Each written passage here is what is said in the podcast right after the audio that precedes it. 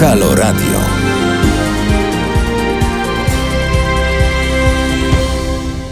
To był Michael Jackson. Nie wiem, ile tej muzyki zdołamy dziś zmieścić w tych dwóch godzinach do 15 i kiepsko nam idzie zwykle. To dlatego, że goście e, mądrzy z ważną wiedzą. Dziś nie będzie inaczej. Dziś chcemy wspólnie z wami zapytać naszego eksperta, e, ale nie tylko jego, bo na początek pan sędzia Krystian Markiewicz ze Stowarzyszenia Sędziów Justicja. Co z tym prawem? Jest taka teoria, która mówi, no jak na polskie realia to dość odważnie i brawurowo nawet, że prawo to jest element, który powinien spajać państwo, spajać naród. My w końcu wspólnie to prawo e, powołujemy przy pomocy naszych reprezentantów w parlamencie. Godzimy się w postaci pewnej umowy społecznej, że będziemy to prawo respektowali. Wybieramy sędziów, e, godzimy się na to, że to oni mają ostateczne zdanie w sprawach, które bywają kontradyktoryjne.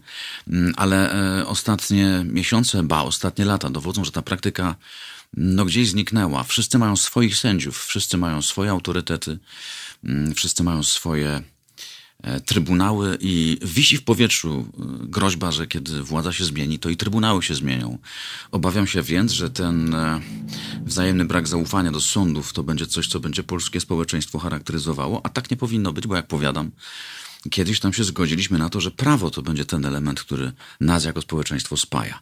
Spróbujemy się temu przyjrzeć na kazusie czy raczej w oparciu o kazus sędziego Tulei, który został, tak to nazwijmy, uwolniony e, przez Izbę Dyscyplinarną e, Sądu Najwyższego. Izba uznała, że e, jego immunitet jest nienaruszalny, nie popełnił przestępstwa, nie naruszył prawa, działał w zakresie uprawnień i prerogatyw sędziego. To jest o tyle interesujące, ale też niepokojące i chyba dziwne, że zaufanie do tej izby było delikatnie rzecz biorąc umiarkowane, a na pewno społeczeństwo i prawnicze środowiska były podzielone w sprawie tego, czy szanować, czy nie szanować e, tę instytucję. Ona wydała jakieś rozstrzygnięcie, rozstrzygnięcie, które wychodzi naprzeciw oczekiwaniom jednej ze stron.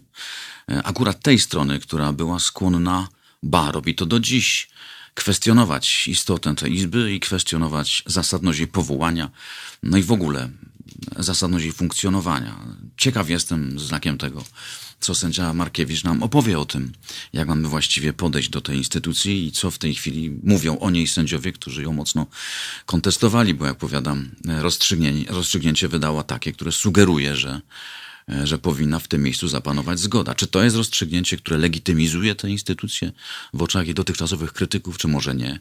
A jeśli nie, to co dalej w ogóle z polskim sądem? Bo sędziowie mieli swoje poglądy polityczne zawsze i zawsze będą je mieli. Pytanie, czy kiedyś te poglądy wpływały na to, jak rozstrzygali? Czy teraz jest inaczej? Czy teraz sytuacja jest e, E, biegunowo różna od tamtej, albo doszła do trzeciego rzędu i właściwie e, zasługuje na to, aby ją e, jak najszybciej sanować i chcieć uzdrawiać. Jeśli tak, to w jakim kierunku? O polityce oczywiście dziś też będziemy rozmawiali niezawodnie. Mirosław Oczkoś, spec od wizerunku, ale także od opisu politycznych zdarzeń będzie naszym gościem. Mam nadzieję, że nam się uda, bo Mirek pojechał gdzieś na Mazury. Mam nadzieję, że tam i zasięg, i wszystkie inne parametry będą nam służyły i z Mirkiem uda nam się porozumieć, bo ciekaw jestem tego, jak skomentuje kilka wydarzeń, którymi ten tydzień nas e, no nie zaskoczył, bo nic nas chyba w polskiej polityce już nie zaskoczy, ale na pewno okrasił te dni, które za nami. Od listu pana prezesa Kaczyńskiego do swoich mm, e, zwolenników, aż po kartę LGBT, a raczej kartę rodziny, która jest sprzeciwem wobec LGBT, E, którą podpisał pan prezydent. Trochę tego tam się po drodze namnożyło, więc będziemy o to pytali. Jeżeli sędzia Krystian Markiewicz nas słyszy, to prosimy, aby już w tej chwili uruchomił e, to urządzenie, które służy nam do sprawnego porozumiewania się. Jeżeli nie, to będziemy do niego dzwonili. Za chwilę zagramy, bo to będą Streets of Philadelphia i Bruce Springsteen, a że w tej chwili już dajcie rzucić okiem 12 po 13, no to wkrótce nasz pierwszy gość.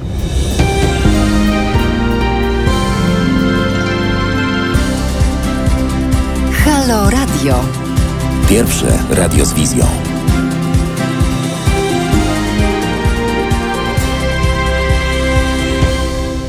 Halo Radio wczesnym popołudniem w piątek. E, witam tych, którzy do nas dołączyli, a przede wszystkim witam naszego pierwszego gościa, pana sędziego Krystiana Markiewicza, Stowarzyszenie Sędziów Justicja. Dzień dobry, panie sędzio.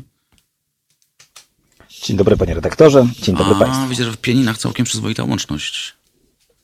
W Pieninach pan bawi, o ile się nie Cieszę się. Panie sędzio... Staram się dojechać. Panie sędzio, no to mamy to za sobą. Sędzia Tuleja przy wszystkich obawach, które towarzyszyły temu wydarzeniu został przez Izbę Dyscyplinarną uznany za no, godnego immunitetu, tak to nazwijmy. Więc chciałem pana zapytać, co to dla pana oznacza? Jak w związku z tym pan ocenia działalność tej Izby, e, jej orzeczenie? Co w ogóle się wydarzyło? Bo e, sędzia Tuleja mówi, że ciągle ma z tym kłopot, bo zapadło orzeczenie, które nie powinno zapaść, wydane przez organ, który nie istnieje, przez ludzi, którzy nie są sędziami i nie bardzo wiadomo, co ma zrobić z tym orzeczeniem. A co pan sądzi? No wydaje mi się przede wszystkim, że niczego nie mamy za sobą póki co. E, mamy sytuację taką, kiedy przedstawiciele polityków przebierają się za sędziów e, w Sądzie Najwyższym i udają, że wydają orzeczenia. I teraz pytanie jest takie, czy my jako Polacy, czy my jako sędziowie mamy się cieszyć z tego powodu, że takie osoby postanowiły póki co nie zwalniać y, Igora Tulei y, z, z obowiązku odpowiedzialności karnej za polityczne e, jakieś e, postępowania, które prokuratora Ziobry e, robi Igorowi, wydumane akty oskarżenia tylko i wyłącznie po to, żeby go zniszczyć. I mamy teraz sytuację taką, że polityczna prokuratura Ziobry wnioskuje do Izby Dyscyplinarnej o to, żeby uchylić sędziemu Tulei immunitet, i inni ludzie Ziobry, którzy w tej e, izbie zasiadają, mówią, no dobra, to tym razem my mu nie uchylimy immunitetu. Co zrobimy za tydzień, za dwa czy trzy, to, to, to, to kto wie. A nie jest tak, nie panie sędzio, że jednak istnieje powodu. powaga sprawy osądzonej. No, wydano orzeczenie, tam stwierdzono, że działał w prawie, że nie naruszył swoich obowiązków, nie przekroczył swoich uprawnień. Można tak w nieskończoność bez znaczy, nowych zarzutów kogoś osądzać? Jutro, pojutrze, Obecnie za tydzień? można.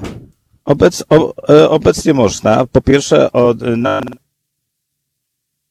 nawet gdyby to miał być sąd, chociaż to e, sądem oczywiście nie jest, e, to pan Ziobro i spółka takie przepisy uchwalili, że oczywiście od tej decyzji jest odwołanie, także spokojnie. Prokura, prokuratura niewątpliwie Ziobry robi to po to, żeby cały czas grillować sędziów, żeby sędziowie, którzy walczą o niezależność, nie mieli chwili odpoczynku, żeby taki sędzia Tuleja, który ma nie wiem ile tych postępowań, nie czuł się spokojny, ponieważ za tydzień, za dwa może, może być wniesione odwołanie i zapewne będzie. I znowu inni przedstawiciele pana ministra Ziobry, którzy w tej izbie e, zasiadają, wbrew orzeczeniu Trybunału Sprawiedliwości, może tym razem uchylą mu immunitet i będzie, będzie e, Igor e, sądzony tak jak przestępca tylko i wyłącznie z tego powodu, że miał odwagę robić to, co do sędziego należy. I to jest dramat, nas wszystkich Polaków, że Izba Dyscyplinarna pokazuje dwie rzeczy. Po pierwsze, nie musisz być niezależnym sądem, żeby sądzić sprawę, a po drugie, to my jako y, państwo, jako y, wysła, wysłannicy polityków, ale tak naprawdę my politycy możemy z tobą zrobić wszystko. Możemy cię oskarżyć o co chcemy, kiedy chcemy, nasi ludzie cię oskarżą i nasi ludzie cię skażą. Do tego to się wszystko sprowadza. To sobie trzeba uświadomić. Panie sędzio, to dla pewnej jasności nas, laików, e, dokąd się można odwołać od orzeczenia e, Izby Sądu Najwyższego? Do y, trzech innych kolegów y, tej osoby, która wydała w Izbie Dyscyplinarnej Sądu Najwyższego orzeczenie. Takie sytuacje już mieliśmy, że za pierwszym razem, powiedzmy sobie, oka okazywano łaskawość, Potem było odwołanie tej łaski już nie było i było skazanie albo, a, albo było e, uchylenie immunitetu. Także to już jest e, przerobiona, e, prze, przerobiona taka, e, taki scenariusz. Tak? Raz jestem dobry, pokazuję, jaki to jestem niezależnym sądem, ale za drugim razem jednak znaleźliśmy, znaleźliśmy coś, e, czego wcześniej ta, ta jedna osoba nie znalazła. No bądźmy poważni. Przecież te osoby nie podejmują same, sami decyzję o tym, że wyznaczą sprawę Igora Tulei takie decyzje zapadają w Ministerstwie Sprawiedliwości, ewentualnie w innych e, miejscach e, politycznych i wtedy ci państwo za, zakładają togi sędziowskie i wydają orzeczenie w jedną bądź w drugą stronę. Przecież to jest organ skrajnie upolityczniony. Równie dobrze ta sprawa mogłaby być sądzona w gmachu Ministerstwa Sprawiedliwości. A to sądzi pan, panie sędzio, że, że to orzeczenie, które no, było korzystne dla pana sędziego, to jest też efekt jakiejś politycznej zmowy? Że padło takie zalecenie z Ministerstwa Sprawiedliwości, dobra, tym razem go uniewinnicie, e, zasłużcie na placet takiego niezależnego sądu, ale jeszcze wrócimy do sprawy. Mogło okay. tak być? mogło tak być w sposób niewątpliwy. Proszę pamiętać o jednej rzeczy. Sprawa została, sprawa została e, wyznaczona i e, na dzień przed, e, przed tą rozprawą Komisja Europejska ujawniła swoje bardzo mocne i zdecydowane stanowisko. powiedziała, ty Izbo Dyscyplinarna tak naprawdę nie powinnaś w ogóle orzekać. Czyli ani w prawo, ani w lewo. Ani dobrze, ani źle, tylko w ogóle. Niestety Izba Dyscyplinarna uwa e, uważa inaczej. E, pani Małgorzata Manowska, która teraz została wyznaczona przez prezydenta Dudę na pierwszego prezesa, też uważa inaczej. I te postępowania trwają. Ale Unia Europejska powiedziała tak, jeżeli do 24 nic się nie zmieni, to my podejmiemy bardzo mocne e, działania w stosunku do Polski. Do 24 czerwca. Więc ja myślę, że był to kubeł zimnej wody i teraz Ministerstwo Sprawiedliwości, teraz Prawo i Sprawiedliwość musi podjąć decyzję w zakresie dotyczącym takim, czy chcą iść na wojnę w tym trudnym okresie wyborczym e, z, z Komisją Europejską, a przypominam, że grożą Polsce nie tylko kary finansowe za nieprzestrzeganie orzeczenia e, Trybunału Sprawiedliwości, ale grozi nam to, że nie otrzymamy żadnych funduszy z uwagi na to, że systemowo łamiemy praworządność w Polsce, a na to Unia Europejska nie chce i słusznie się zgodzić. Do 26 czerwca, czyli dwa dni przed wyborami. 24. 24, 4, no, tak. 4 czy 6, nieważne, krótko mhm. przed wyborami, to może być odebrane Bez jako znaczenia, tak. polityczny nacisk. Taki niedopuszczalny na, ze na życzenie prawa i sprawiedliwości. Tak, no, ale e, być pewnie będzie tak przedstawiane, ale pytanie, kto e, tak naprawdę e, postawił Komisję Europejską przed e, w takiej sytuacji? No, Ministerstwo Sprawiedliwości. Pan Zbigniew Ziobro postawił y, przez y, Izbę Dyscyplinarną, między innymi pana prezydenta, w takiej sytuacji, że Komisja Europejska, być może w, w, dokładnie w samym y, okresie wyborczym, będzie musiała się w tej sprawie wypowiedzieć.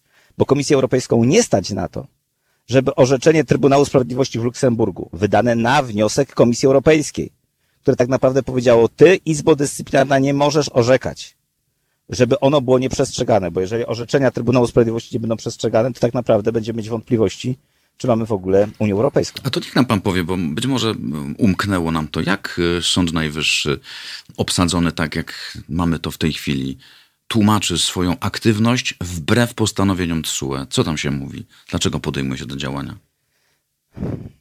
Wniosek Komisji Europejskiej dotyczył e, tak naprawdę e, postępowania dyscyplinarnego. E, i, i, i, chodziło o to, że Izba Dyscyplinarna, która e, zostało przesądzone, że nie jest sądem niezależnym, e, nie powinna w ogóle orzekać, no bo każdy z nas, każdy, nie tylko oczywiście sędzia, ale przede wszystkim każdy obywatel, obywatelka ma prawo do niezależnego sądu, a nie do tego, żeby ktoś sądził sprawy, nasze, y, y, nie będąc w ogóle tym niezależnym sądem, żeby być organem zależnym od polityków. I z tego powodu Trybunał Sprawiedliwości powiedział, zawieszam pewne przepisy, czyli tak naprawdę powiedział, ty Izbo Dyscyplinarna nie możesz sądzić w sprawach dyscyplinarnych z tego powodu, że najprawdopodobniej nie jesteś sądem. Czy my y, to ostatecznie powiemy, to musimy chwilę poczekać, no bo, no, no bo oczywiście Trybunał Sprawiedliwości ma e, wiele spraw. Izba Dyscyplinarna, łącznie z politykami Ministerstwa Sprawiedliwości i z panią między innymi e, profesor Małgorzatą Manowską, która została wyznaczona przez prezydenta na e, osobę będącą pierwszym prezesem Sądu Najwyższego, uważa, że no przecież Trybunał Sprawiedliwości powiedział tylko i wyłącznie o sprawach dyscyplinarnych, a nie powiedział, że w ogóle Izba Dyscyplinarna nie może sądzić. Czyli mamy do czynienia tutaj e, z, z bardzo genialnym, z genialnym sposobem wykładni, Otóż ci e, prawnicy powiadają, że jeżeli ktoś nie jest sądem, to nie może e, w związku z tym sądzić w sprawach dyscyplinarnych, ale w gorszych sprawach, jak na przykład uchylenie immunitetu, może sądzić. Ale sprawa sędziego Tulej nie jest dyscyplinarna?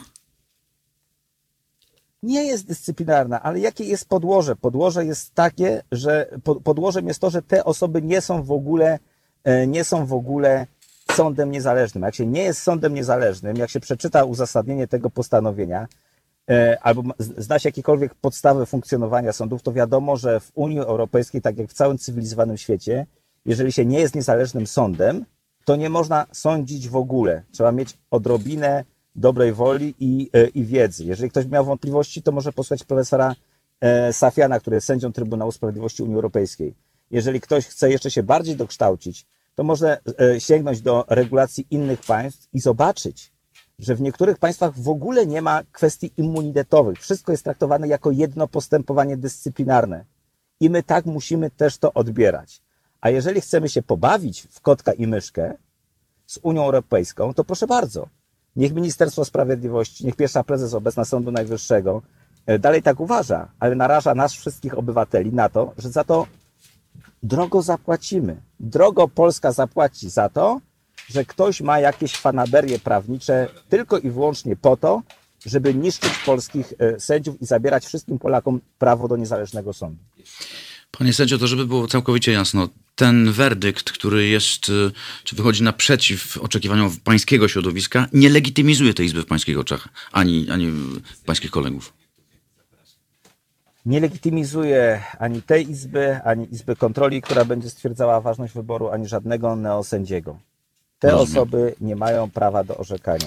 Panie sędzio, co by się stało, albo raczej... zerknąć na uchwałę trzech połączonych izb Sądu Najwyższego, gdzie to zostało bardzo wyraźnie powiedziane. No ale ta, ta, nie są sądem. Ta uchwała nie, nie jest respektowana przez Sąd Najwyższy ani przez polityków. Ona nie jest przez nich szanowana. To jest dramat państwa polskiego, panie redaktorze, że, że, że, że jeżeli my mamy sytuację, że uchwała trzech połączonych izb nie jest respektowana, jeżeli postanowienie Trybunału Sprawiedliwości Unii Europejskiej e, nie jest respektowane, jeżeli prawo nie jest e, respektowane, to mam do czynienia z anarchią, bezhołowiem, a nie z funkcjonowaniem państwa. Panie sędzio, nie wiem, czy tak się stanie, ale sugeruje pan, że tak się może stać.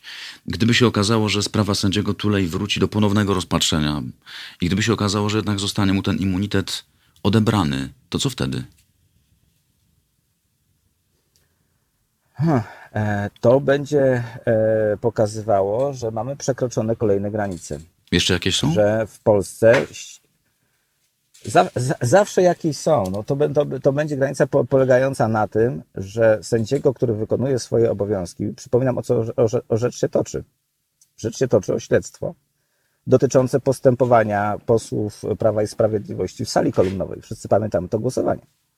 Prokuratura chciała to postępowanie umorzyć, a sąd w osobie pana sędziego Tulej, który e, sprawę e, prowadził, ujawnił posiedzenie w tym przedmiocie, zezwalając mediom na obecność na sali rozpraw. Co na razie według Sądu Najwyższego jest zgodne powodu, z prawem. Oczywiście. I, e, i, I z tego powodu panu sędziemu robi się e, zarzut popełnienia przestępstwa. Przestępstwa polegające na tym, że ujawnił, że, że dał możliwość obecności mediów e, na, na sali rozpraw, czyli dał możliwość Polakom zapoznania się ze sprawą. Notabene za zgodą prokuratorów, którzy tam byli obecni na e, sali rozpraw. Za to sędziemu stawia się zarzuty e, tak jak przestępcy. Za to ściga się go, chce się go ścigać jak przestępcę za przestępstwo zagrożone karą e, kilku lat pozbawienia wolności. Nie wiem, czy my sobie wszyscy zdajemy z tego sprawę. Nie, na pewno, tylko jak ja się, panie sędzio, bo jak ja się wsłuchuję, jak ja się tak. wsłuchuję w to, co mówi ta druga strona, czyli prokuratura, no to w, tym, w tej skardze jest podnoszone, że pan sędzia ujawnił dane i informacje dotyczące śledztwa. No przyzna pan, że nie wolno tego robić na pewnych etapach postępowania. Ale tak jak, e, o, oczywiście, że przyznam, że na pewnych etapach nie można tego robić, ale to sędzia akurat wie, czy naruszył przepisy, czy nie naruszył e, przepisy, ja nie jestem karnistą, ale z, z, z wypowiedzi wielu znakomitych karnistów nie naruszył pan sędzia absolutnie żadnych przepisów. Ja nie znam żadnego karnisty w tym kraju, który byłby szanowanym prawnikiem, który by powiedział, no tak, może sędzia Igor Tuleja e, na, naruszył przepisy. Otóż nie naruszył przepisów. A e, stawianie tak sprawy, że nie wiem, e, prokurator powie, a my uważamy inaczej, bo naruszyliście moje interesy i za to postawimy ci zarzut popełnienia przestępstwa, to zmierza do tego, że jeżeli my cokolwiek będziemy kwestionowali, jakiekolwiek bezprawne działania prokuratury politycznej ministra Ziobry, to prokuratura będzie nam stawiała zarzuty. Zarzuty popełnienia przestępstwa. Teraz proszę sobie wyobrazić, że panu redaktorowi czy naszemu słuchaczowi stawia się jakiś absurdalny zarzut, obojętnie jaki. A my jako sąd uniewinniamy pana, pańskich, naszych słuchaczy od od takiego zarzutu. Co robi prokuratura? Tak, sądzie nie mogłeś zrobić, bo my uważamy inaczej. W związku z tym sądzie popełniłeś e, przestępstwo i za to przestępstwo będziemy cię ścigać. O to chodzi.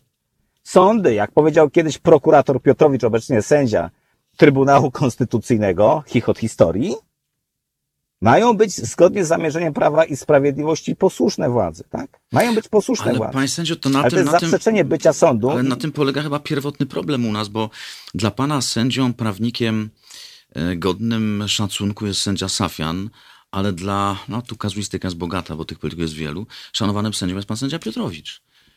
I na tym polega problem. Mamy swoich sędziów, mamy swoje sądy. Sąd nie jest, czy wymiar sprawiedliwości nie jest elementem, który spaja społeczeństwo. Tak, aczkolwiek y, musimy powiedzieć sobie o jednej rzeczy. Nie, nie, nie wszystko jest takie płynne.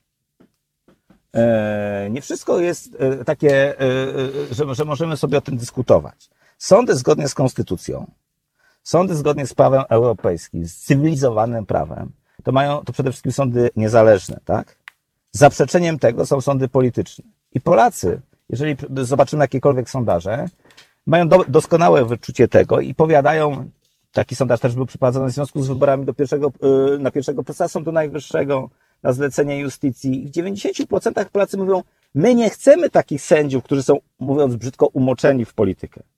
Więc oczywiście my możemy powiedzieć, że oni mają swo swoich prawników, swoje autorytety. Być może, ale mówimy o jakimś ekstremum. Więc nie możemy mówić, że z tego powodu, że nie wiem, pół promila, trzy promile e, osób, nawet nie jeden procent uważa, nie wiem, Piotrowicza za autorytet, to mówimy, że no, różnie to prawnicy mówią, czy różnie obywatele chcą. Nie. W dziewięćdziesięciu paru procentach mamy bardzo dobre wyczucie, że my takich prawników nie chcemy. W dziewięćdziesięciu paru procentach obywatele mówią o tym, że profesor Marek Safian jest autorytetem. I, yy, I to trzeba uszanować. To trzeba uszanować, bo inaczej będziemy cały czas pływać w tym i powiemy, że no ktoś tam w Izbie Dyscyplinarnej jednak uważa, że jest inaczej, a y, jeszcze jakiś polityk y, z prokuratury takiej czy ministerstwa takiego uważa, że jest inaczej, on, on tak będzie mówił. Jak to wygląda to zderzenie, widzimy na przykładzie orzeczeń Trybunału Sprawiedliwości, gdzie tam się nie przyjmują narracją polskiego rządu i polskiego Ministerstwa Sprawiedliwości i raz po raz przegrywamy przed Trybunałem Sprawiedliwości.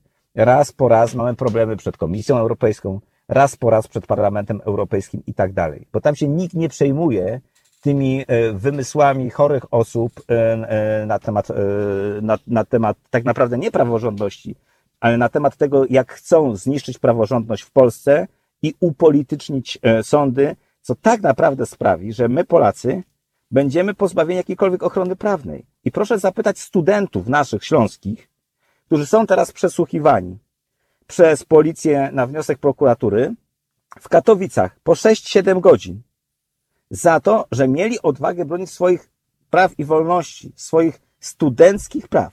Do kogo oni, panie redaktorze, mają się zgłosić? O pomoc, o ochronę prawną przed tą prokuraturą i przed policją. Do kogo? Ja się ja mogę, pytam, ja się mogę mylić, ale, ale sądzę, że pan sędzia jest bliżej tych, tych zdarzeń, bo o ile pamiętam, to pan profesor Popiołek, wybitny y, prawnik, zamierza wziąć w obronę tych studentów i wręcz wytaczać tak. Y, powództwa prokuraturze w tej sprawie. Pan zna tę historię?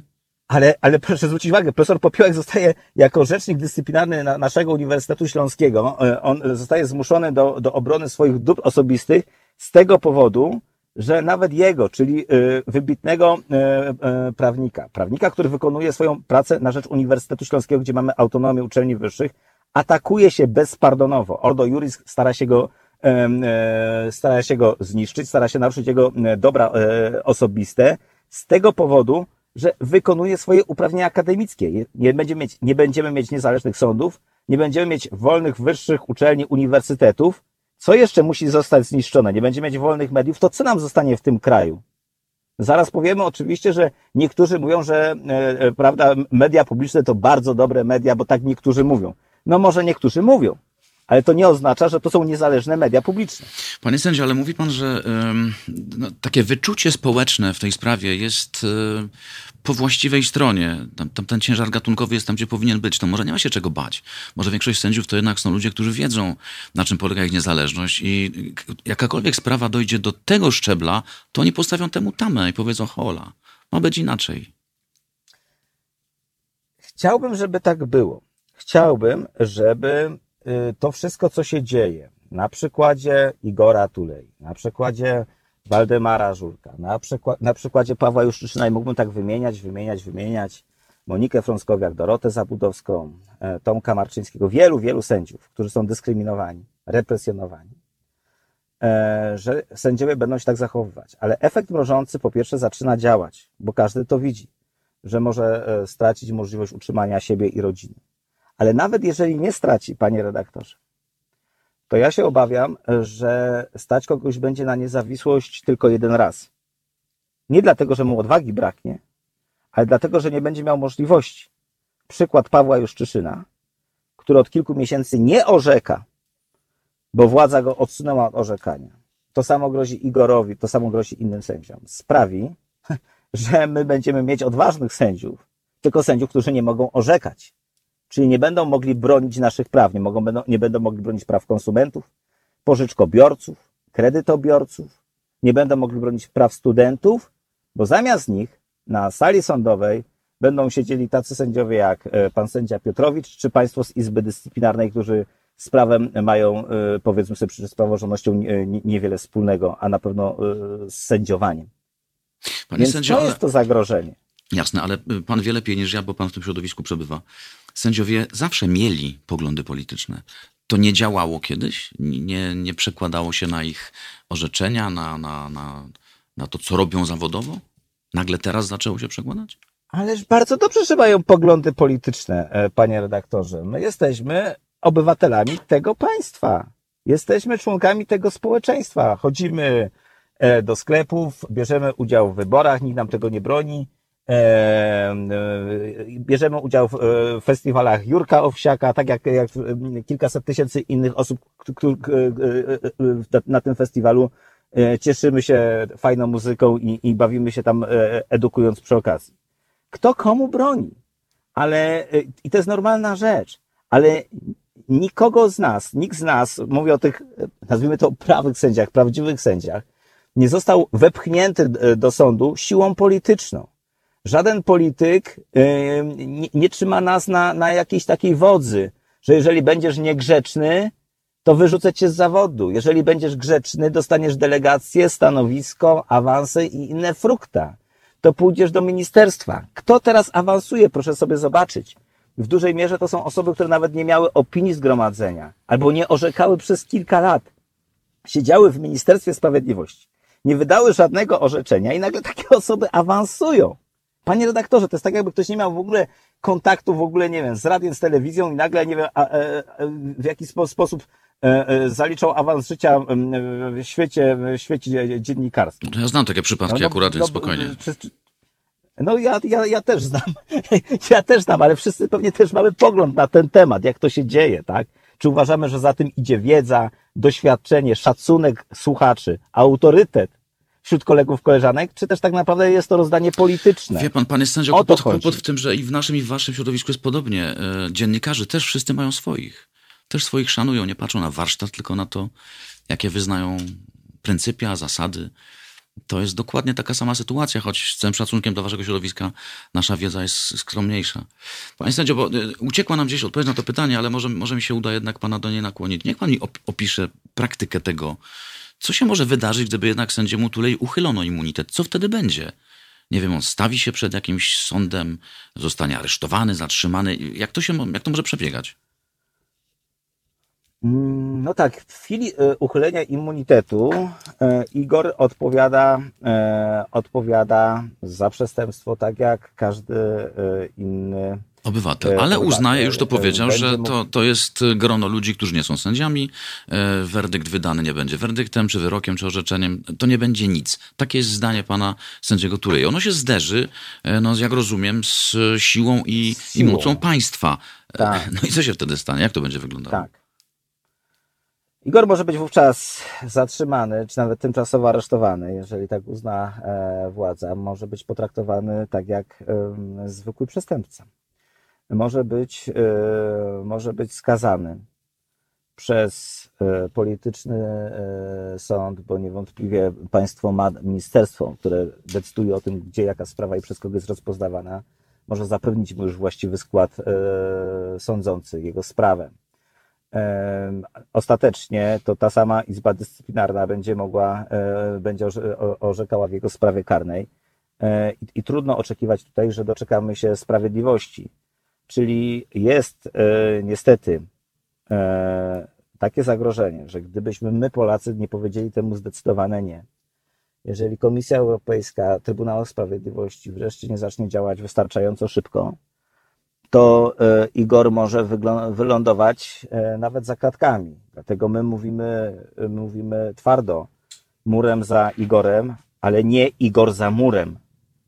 Jest cały czas, Dobry żeby temu pomot. się przeciwstawić. Ja mam nadzieję, że, że, że, że, em, że wreszcie Komisja Europejska, Trybunał Sprawiedliwości za, za, zadziała e, wystarczająco mocno i szybko, żeby wylać e, kubeł zimnej wody na te e, polityczne, e, polityczne głowy. To się ktoś jeszcze musi przejąć tym kubłem. Panie sędzio, em, głowa państwa mówi o sędziach e, komuchy. Ja wiem, co pan na ten temat sądzi, ale chciałbym właśnie komentarz usłyszeć. Jak pan to ocenia? Jakby pan odpowiedział prezydentowi na, na taki zarzut, że tam zasiadają ludzie, którzy mają skalane życiorysy i to są komuchy, które wydawały wyroki w PRL-u. E, Ja jestem sędzią Rzeczypospolitej Polskiej i przedstawicielem trzeciej władzy. Pan prezydent jest przedstawicielem drugiej władzy.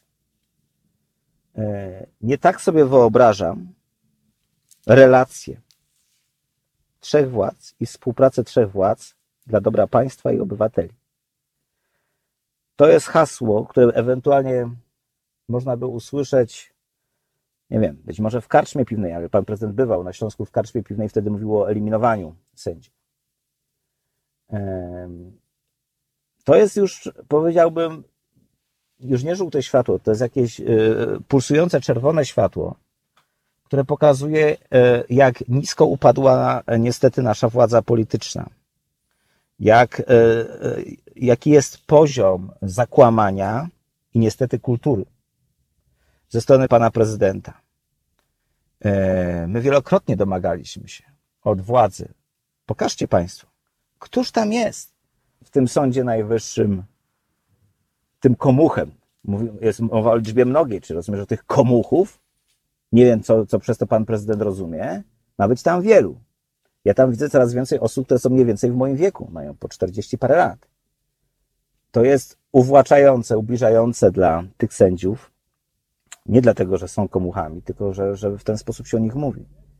E, To jest niszczenie państwa polskiego. Prezydent Rzeczypospolitej Polskiej niszczy państwo polskie tego typu wypowiedziami. Nie mam wątpliwości, że, że tak jest.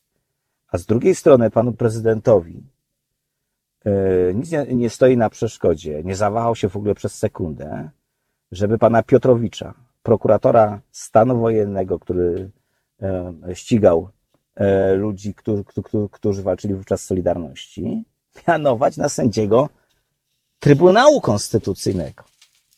Czy, czy, czy pan prezydent w ogóle wie, wie, o czym mówi? Czy w ogóle wie, co robi?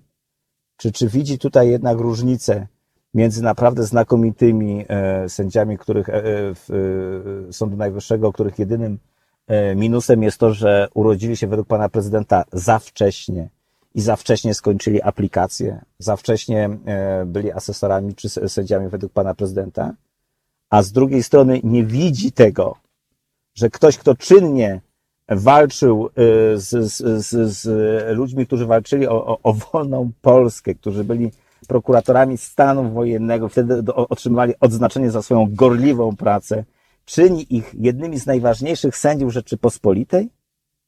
To jest wstyd, panie prezydencie. To jest wstyd.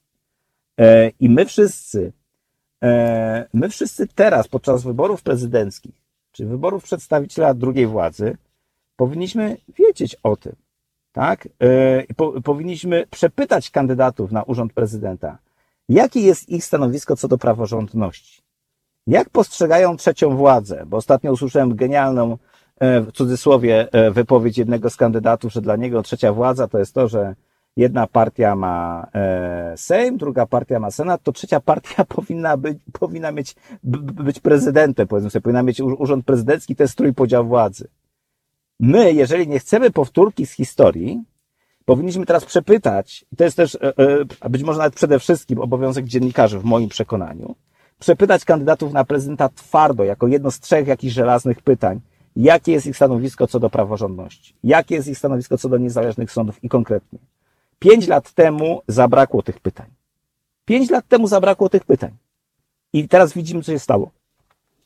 Panie sędzie, tylko jak, jaka pańskim zdaniem jest, e, no szansa to jest złe słowo, niebezpieczeństwo, że nawet gdyby no w tym roku, w przyszłym, za cztery lata, kiedykolwiek e, zmienił się układ władzy w Polsce, to ten spór o środowisko sędziowskie pozostanie takim, jakim jest. Bo rów jest wykopany, obydwie strony pielęgnują różnice po obu stronach tego rowu bardzo skrupulatnie. I nawet jeśli władza się zmieni, to ciągle będą nasi sędziowie i wasi sędziowie. E, I to zaufanie do urzędu sędziowskiego, do wymiaru sprawiedliwości zostało zdemolowane. No się pytanie, na zawsze, na długo, na krótko. Co z tym można teraz zrobić? Żebyśmy wszyscy uznali, dobra, możemy się kłócić o e, jakieś e, polityczne didaskalia, ale sąd to sąd. I wyrok jest ostateczny. Panie redaktorze, ja być może żyję w, w, jakimś błędzie, ale czy, y, y, czy, nie wiem, 5 lat temu, 10 lat temu mówiliśmy o sędziach naszych albo ich, bo ja sobie czegoś takiego nie przypominam. Nie przypominam sobie, żeby ktoś mnie klasyfikował e, do, jako sędziego tej czy innej opcji politycznej, nie wiem, światopoglądu, e, czy, czy mniejszości, orientacji, nie wiem, religijnej, e, seksualnej, jakiejkolwiek, etnicznej. Nie było czegoś takiego. Te rowy zostały wykopane teraz. Ja myślę, i znowu mam tutaj jakby poparcie dla tej mojej myśli w, w ocenie społecznej, że jednak sędziowie teraz pokazują, że zdają egzamin. Że zostało e, w jakiś sposób e, nadwątlone e, takie bezkrytyczne spojrzenie, chyba nie, bezkrytycznego spojrzenia na, na wymiar sprawiedliwości chyba nigdy nie było. No ale wiadomo, że coś się stało. No to trudno. Stało się, oczywiście źle się stało, ale jestem przekonany, że my z tego wyjdziemy.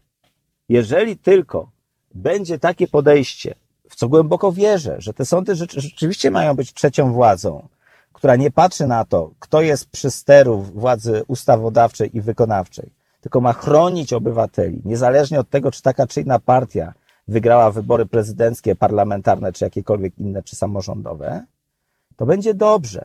I jeżeli my rozliczymy odpowiednio to, co się stało teraz, bo, bo nie można do tego znowu potem przy, podejść bezkrytycznie, nic się nie stało. Stało się bardzo dużo. Wyrządzono olbrzymią krzywdę dla nas wszystkich Polaków, dla całego sądownictwa i praworządności w Polsce. Zachwiano fundamentem państwa polskiego i to trzeba rozliczyć.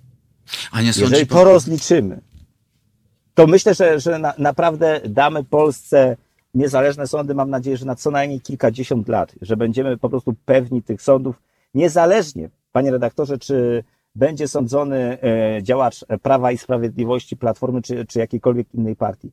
Każdy z nich, każdy z nich musi mieć gwarancję e, takiego samego rzetelnego postępowania. Jeżeli któryś z nich będzie miał różny, to będę się o to bił tak samo za trzy, za 5, jak i za 15 lat. Panie sędzio, ja wiem, ale, ale są też argumenty tej drugiej strony. Pisze do nas pani Irena, że były w Polsce przypadki dość dobrze udokumentowane sędziów na telefon. E, to środowisko też podsuwało argumenty tym, którzy go chcieli krytycznie potem potraktować. Panie redaktorze, po pierwsze przypadek, a nie przypadki.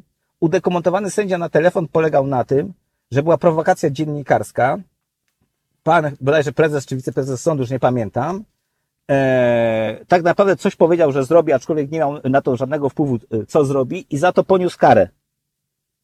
I za to poniósł karę. I tak to powinno funkcjonować, że jeżeli się zdarza taka sytuacja, która jest naganna i jeżeli ktoś jest czarną owcą, to po to ma działać sądownictwo dyscyplinarne, żeby rzeczywiście takie, takie rzeczy ganić i karać, ale sprawiedliwie. W sprawiedliwym postępowaniu. Każdy ma prawo do rzetelnego postępowania. A to jest sytuacja zupełnie różna od systemowego niszczenia praworządności, od niesędziego na telefon, który mówi o terminie jakiejś tam sprawy, tylko mówimy o działaniach politycznych, gdzie są wyroki polityczne, gdzie się po prostu niszczy sędziów i ich rodziny, gdzie się w Ministerstwie Sprawiedliwości e, e, e, hoduje farmę troli, gdzie się e, skargę nadzwyczajną wnosi od e, sprawy, można powiedzieć, rodzinnej, e, rodzinno-finansowej pana sędziego Waldemara Żurka. I mógłbym tak tych przykładów mnożyć. Widzimy te różnice, czy ich nie widzimy? Bo jak ich nie widzimy, to jest z nami bardzo źle. To jest olbrzymia różnica. Panie sędzio, mówi pan, że przyjdzie czas na rozliczenia. Jeśli one nam się udadzą, no to tą sanację sądu będziemy w stanie przeprowadzić i doczekamy się sądów niezależnych prawdziwie. A nie boi się pan, że to rozliczenie, o którym pan mówi, to będzie kolejna kość niezgody? Bo ja rozumiem, że trzeba będzie, nie wiem, posprzątać Trybunał Konstytucyjny, e, zapytać o kompetencje kilka osób, które tam zostały, e, zostały tam wtłoczone. Być może będzie trzeba je stamtąd usunąć. To będą gesty odbierane przez tę drugą stronę, a są przecież dwie strony w Polsce, bo te dwa kościoły są już ukonstytuowane, jak oczywisty atak na niezależność sędziowską. I nic nie wyjdzie z tego e, mhm. przypuszczenia, że może uda się jednak stworzyć niezależny sąd, bo zawsze będą politycznie niezadowoleni z tego, co kolejna władza z sądownictwem będzie chciała zrobić. Zadam pytanie następujące. Czy w związku z tym te osoby, które teraz bezprawnie niszczą Igora Tuleja, Pawła Juszczyszyna, wielu, wielu innych sędziów, którzy doprowadzają do upolitycznienia wymiaru sprawiedliwości w sposób skrajny, mamy powiedzieć, nic się nie stało i gruba kreska? Nie Gdyby wiem. tak było, e, znaczy ja, ja, ja od razu odpowiem, jak jest, jak, jak jest moje zapatrywanie. Wydaje mi się, że, że w większości sędziów, ja reprezentuję prawie 4 tysiące, powiedzmy, e, to jest e, najbardziej liczne stowarzyszenie w Polsce, jedno z, z, z najważniejszych w Europie. To mogę powiedzieć, że ja sobie takich rzeczy nie wyobrażam. Nie wyobrażam sobie jako prezes stowarzyszenia, ale jako sędzia. Bo jako sędzia dobrze wiem, że jeżeli ktoś coś robi złego, to za to powinna go spotkać yy, yy, odpowiedzialność. Ta odpowiedzialność powinna być wymierzona przez niezależnym sądem w rzetelnym postępowaniu. Nie takim, jakie oni nam zgotowali, bo my tak nisko nie upadliśmy, żeby robić to na zasadzie zemsty, ale nie upadliśmy jeszcze też tak nisko, żeby przyjmować, że E, to wszystko złe, co się stało, to tak naprawdę z kolei rzeczy. I w związku z tym nie róbmy nic, poczekajmy, nie wiem, kolejną jedną kadencję, dwie, jak znowu będzie powtórka z rozrywki, z tego powodu, że nie będzie żadnej lekcji z tego, co się obecnie stało. No dobrze, panie sędzio, tak ale tam, tam, tam się da te, mm, te serwilizmy różnego rodzaju wobec władzy po stronie środowiska sędziowskiego w tej chwili opisać nazwiskami. E, co z nimi? Pewnie. Poza nawias, poza zawód, czy jednak gruba kreska, no bo co, co, co pan chciałby zrobić z nie, tymi niech ludźmi? To roz, niech rozstrzygnie o tym sąd.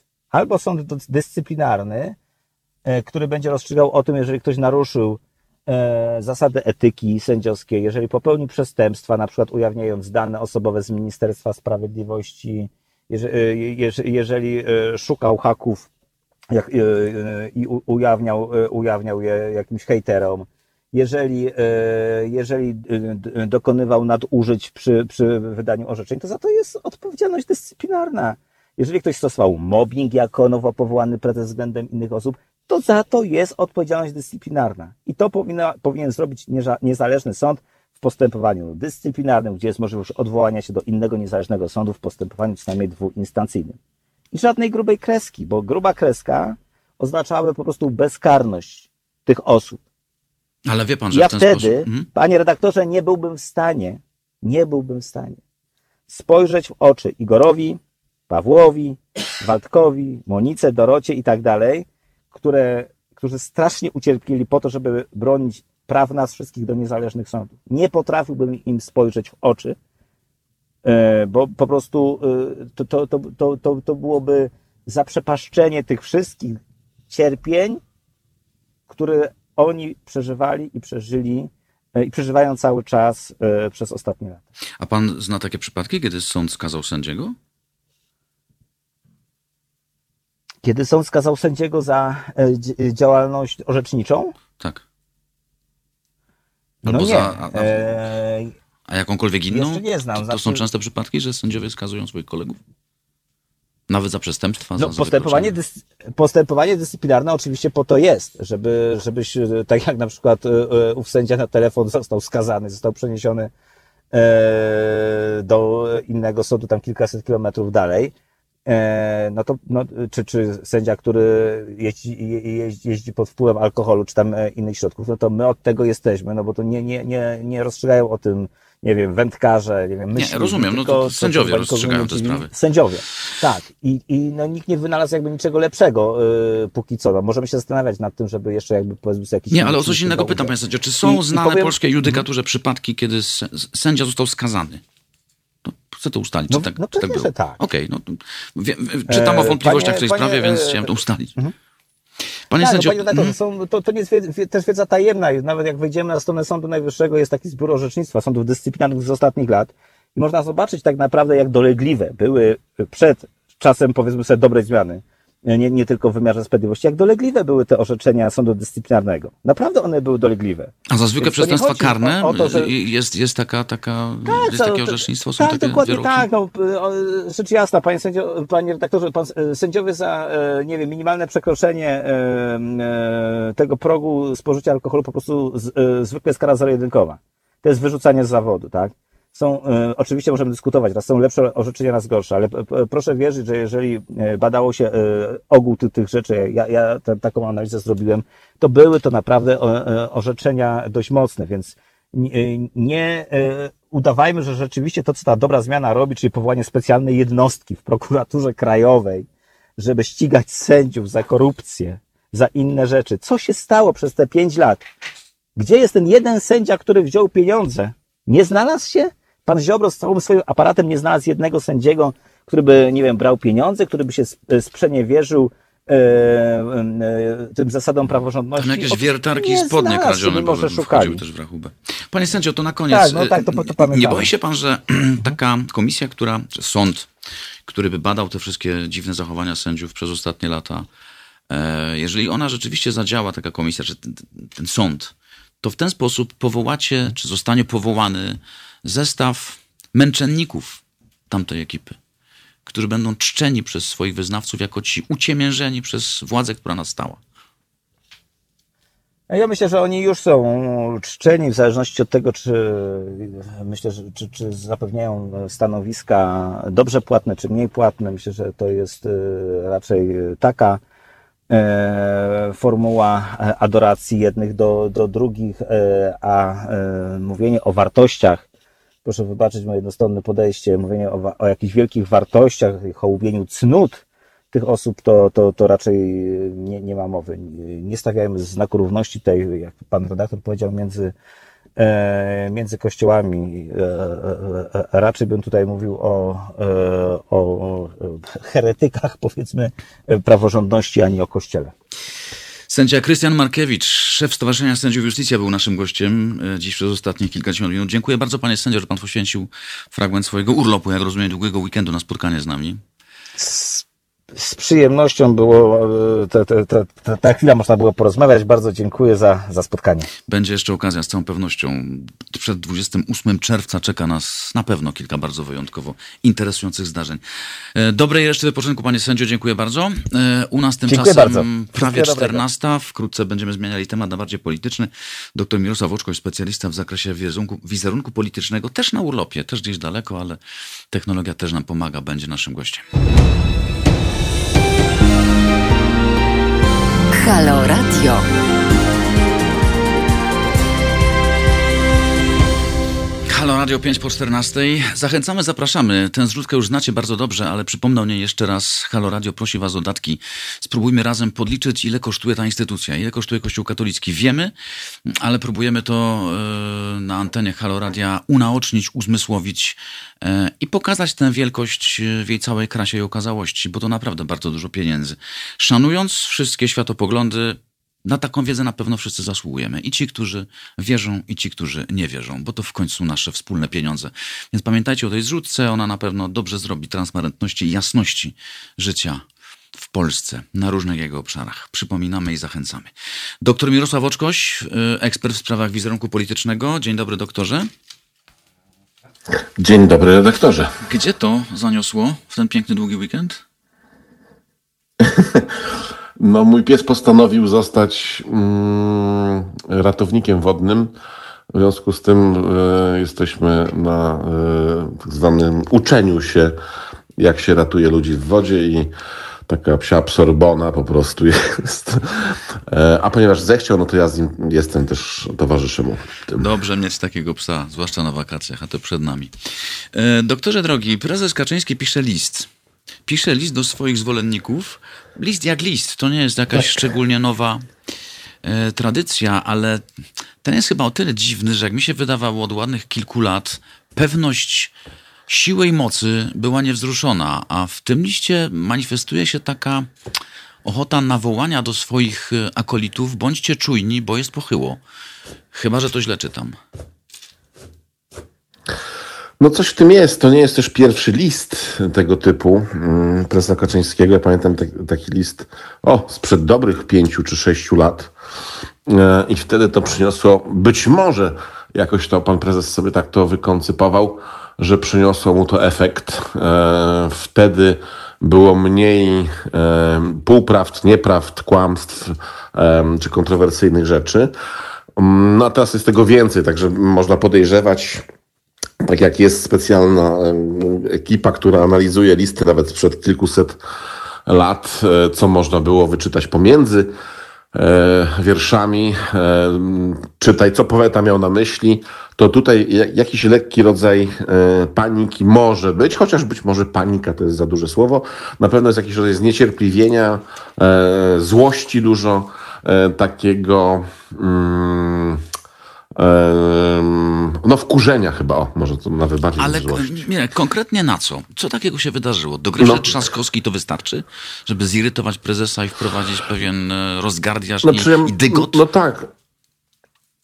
Znaczy my wiemy, wiesz co, no pytanie jest takie, no e, o co chodzi. No pan prezes irytuje się najczęściej wtedy, kiedy nie wychodzi tak, jak on chce, albo ktoś mu się sprzeciwia, tak? E, w, w tym przypomina wypisz, wymaluj takiego 3 do 5 latka, który stoi, tupie nogą e, i tak dalej. No, 10 nie odbyły się wybory.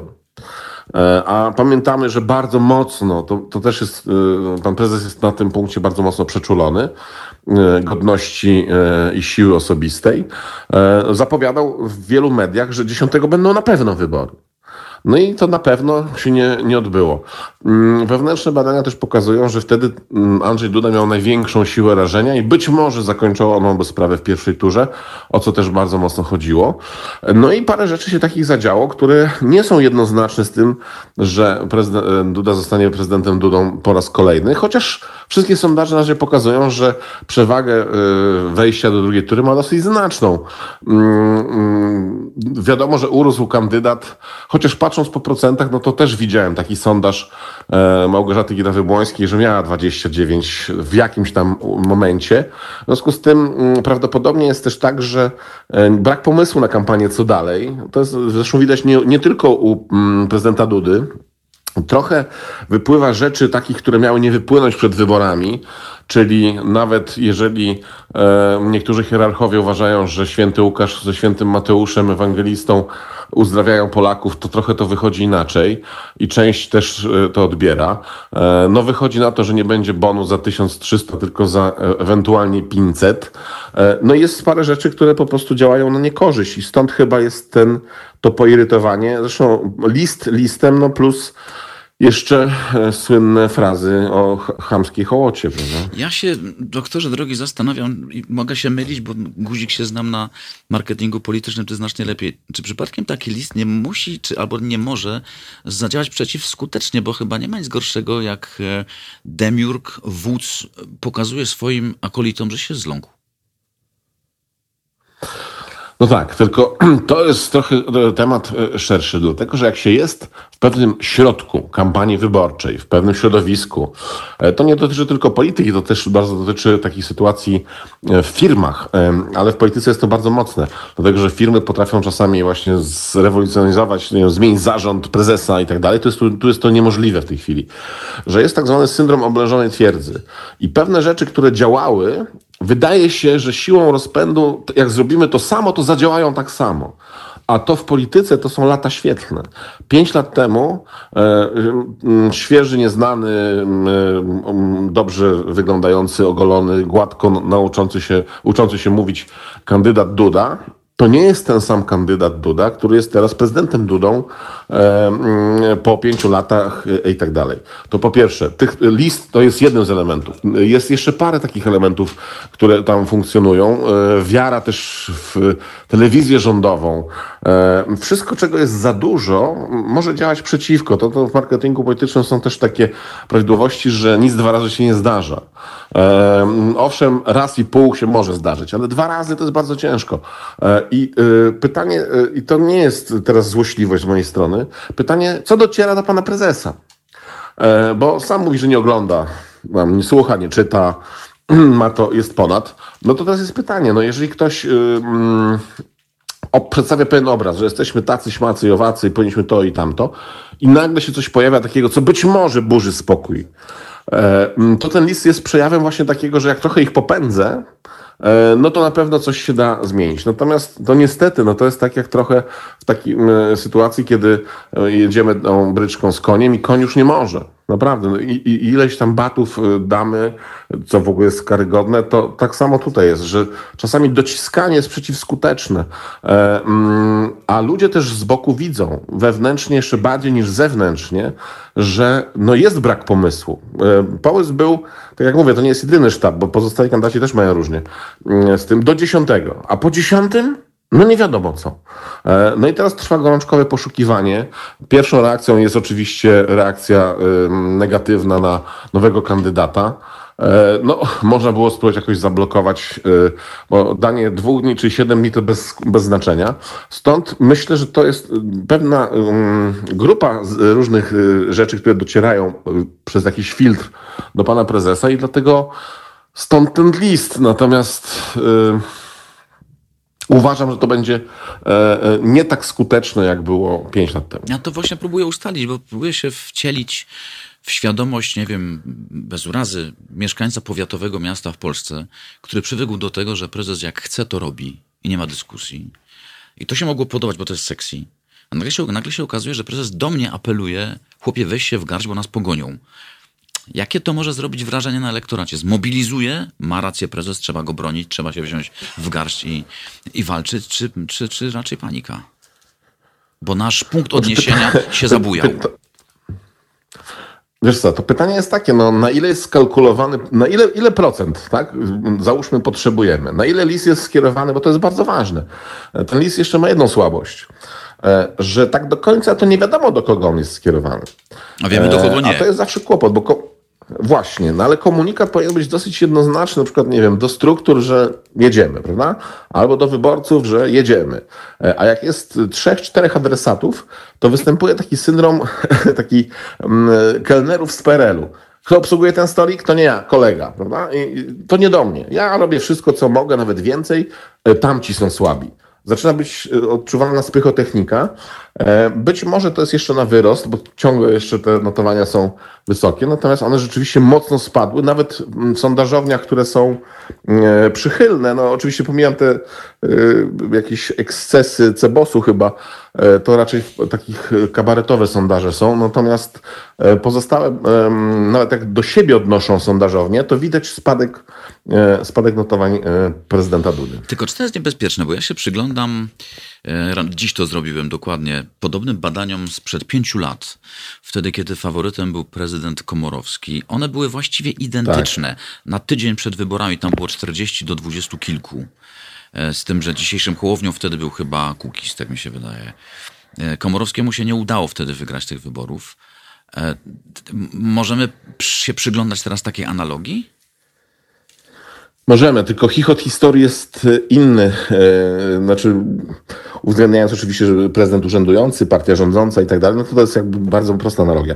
Ale chichot historii polega na tym, że mm, sztabowcy, e, czy ludzie, którzy zajmowali się mm, na początku kampanią prezydenta Dudy, chcieli wstawić w buty y, prezydenta Komorowskiego panią Kidawę Błońską, z tego co pamiętam. E, że to jest bronek w spódnicy, tak, i tam jakieś inne rzeczy. A tu się okazuje, że mają u siebie na podwórku takiego bronka i, i co ciekawe, na razie przynajmniej, no, tak jak oglądam e, to, co się dzieje w przestrzeni publicznej przez internet, y, słucham e, radia, no to że nie ma pomysłu. Znaczy, trochę tak zawierzono e, Jackowi Kurskiemu, że coś może się zadziać, ale no, myślę, że tam jest kłopot z tym, że jeżeli ktoś nie ma czym myśleć, no to nie wymyśli. A nawet jeżeli Jacek Kurski, który jest no, zaprawiony w bojach i ma różne pomysły i tak dalej, to wykonawcy są tacy, którzy nie dadzą rady.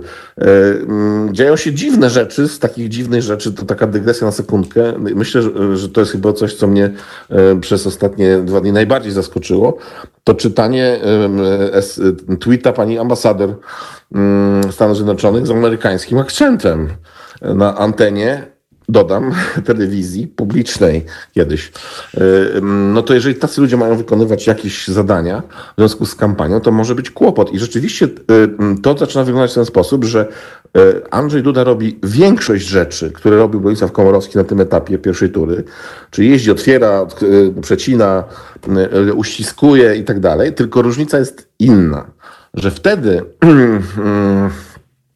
wtedy yy, partia, y, która znaczy doradzała, y, y, chociaż nie zaraz, to tak samo wychodzi znowu, przepraszam, bo dokładnie tak samo było, że ludzie z Platformy niespecjalnie się angażowali, bo, bo mm, sztabowcy E, Komorowskiego nie chcieli, bo myśleli, że to wygrywają, a sztabowcy Dudy byli zmotywowani, e, tak jak teraz sztabowcy Trzaskowskiego. To jest ta, ta, ta, ta siła. Plus rzeczywiście e, Hołownia w tych glanach Kukiza, trochę tak to wygląda, chociaż wcześniej ujawnił polityczne zaplecze, tak? bo teraz Szymon Hołownia, który mówi, że jest apolityczny, no to ma trzech polityków z tyłu, takich dosyć E, widocznych, którzy są tam. Czyli tak, no to tutaj dobrze kombinujecie, redaktorze, że to jest e, trochę przełożenie takie e, kalka.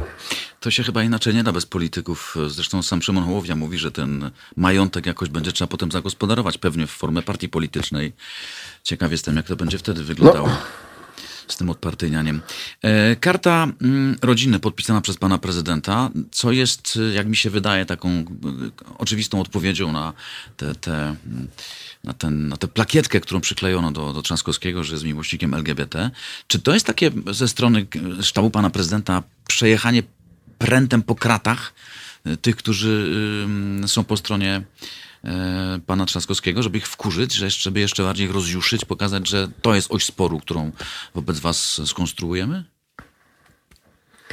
Ja myślę, że założenie jest trochę inne, że e, pokaże, pokazanie takiej osi sporów, jeżeli ona w ogóle zaistnieje jeszcze, bo na razie najbardziej na wynik e, pana prezydenta Dudy pracuje mm, Lewica i niezawodna partia Razem co jest dosyć y, kuriozalne w tej sytuacji. Natomiast to jest raczej nastawione na to, żeby ten własny elektorat zmobilizować. Że jak nie pójdziecie, tak, no to będą się działy sceny z, z jakby biblijne z Sodomy i Gomory. E, Małżeństwa z kozami. Bo jeżeli na przykład, tak, no to, to, to, to jeszcze ktoś miał szczęście, bo może można gorzej trafić. E, oblubienic może być mniej. Natomiast jeżeli to ma, miało być pobudzenie elektoratu pana Trzaskowskiego, no to gratuluję pomysłu, bo to rzeczywiście e, jest bardzo, bardzo skuteczne. Ale myślę, że nie, że było nastawione też na pobudzenie własnego elektoratu i tego takiego e, swingującego, bo on się pojawił, wtedy go nie było. A teraz swingujący jest taki, no dobrze, no pięć lat, ja jestem takich, e, takich przekonań, ale coś mnie ten pan Duda um, rozczarował. Ludzie tak kombinują. I mówią, może Hołownia rzeczywiście, jeżeli nie Trzaskowski. Natomiast cały czas jest trochę to oparte, co mnie smuci na e, braku edukacji. Pojawiły się różne memy, prawdziwe, nieprawdziwe. Co znaczy ten skrót LGBT? No i to właśnie też pokazuje, jak to, jak, czego ludzie się boją, tak? Od gendera się boją, że przyjdzie, że uchodźcy. Pytanie, co zagra, bo ponieważ jeżeli miałoby zagrać LGBT, to byłoby to chyba trzecia próba, żeby zagrało i wydaje się, że E, tak jak nic dwa razy się nie zdarza, to, to nic trzy razy też się nie zdarza. No ale co może zagrać? ale jest... widać, że nie ma pomysłu, że oś sporu musi być na emocji, tak. tak. No ale to jest, to jest dobrze postawione, postawiona diagnoza? Postawimy, czy skonstruujemy oś sporu z obozem Trzaskowskiego na LGBT? Poważnie? Ale to ja nie wiem i tego nikt nie wie. A nie Dopóki wygląda na to, że taką właśnie 28 wybrali? nie pójdą ludzie do, do, do urn, bo to, to trudno powiedzieć, czy to jest dobrze, czy to jest źle. No ale tak na, na fachowego czuja i nosa dziś w Polsce po pięciu na, latach? Na, na fachowego czuję nosa to może nie wystarczyć. To znaczy, jeżeli mielibyśmy mm, się zastanawiać, czy to pomoże w e, e, reelekcji, to uważam, że to jest za mało, żeby ta reelekcja się odbyła, e, ponieważ to jest jakaś grupa ludzi, która tym się interesuje po jednej i po drugiej stronie, ale znakomita większość e, chodzących do e, głosowania w zasadzie ma to, e, jak to mówił mm, Gombrowicz, w dużym poważaniu. To co mogłoby zadziałać? Bo próbuję się postawić w, w sytuacji sztabu pana Mhm. prezydenta. To jest pięć lat em, spełnionych obietnic. To jest cały czas argument, którego można używać.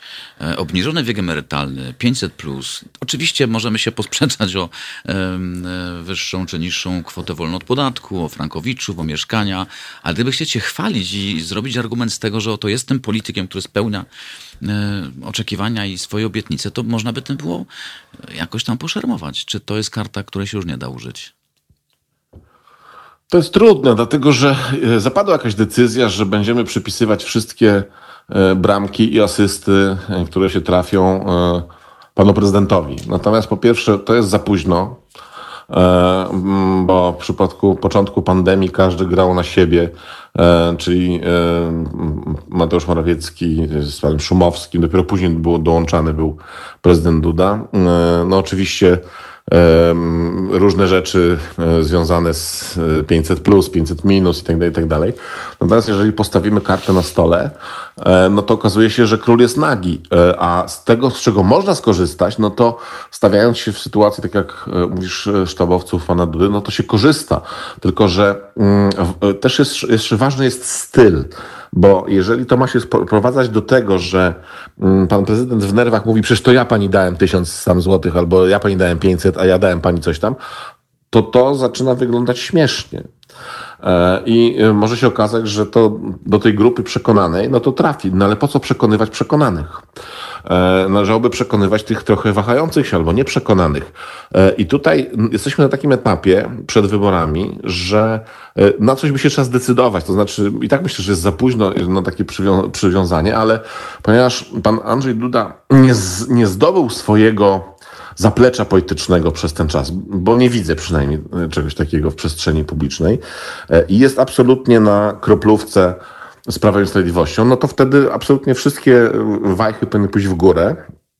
No ale no właśnie o to chodzi, że dwa razy się nie wchodzi do tej samej rzeki.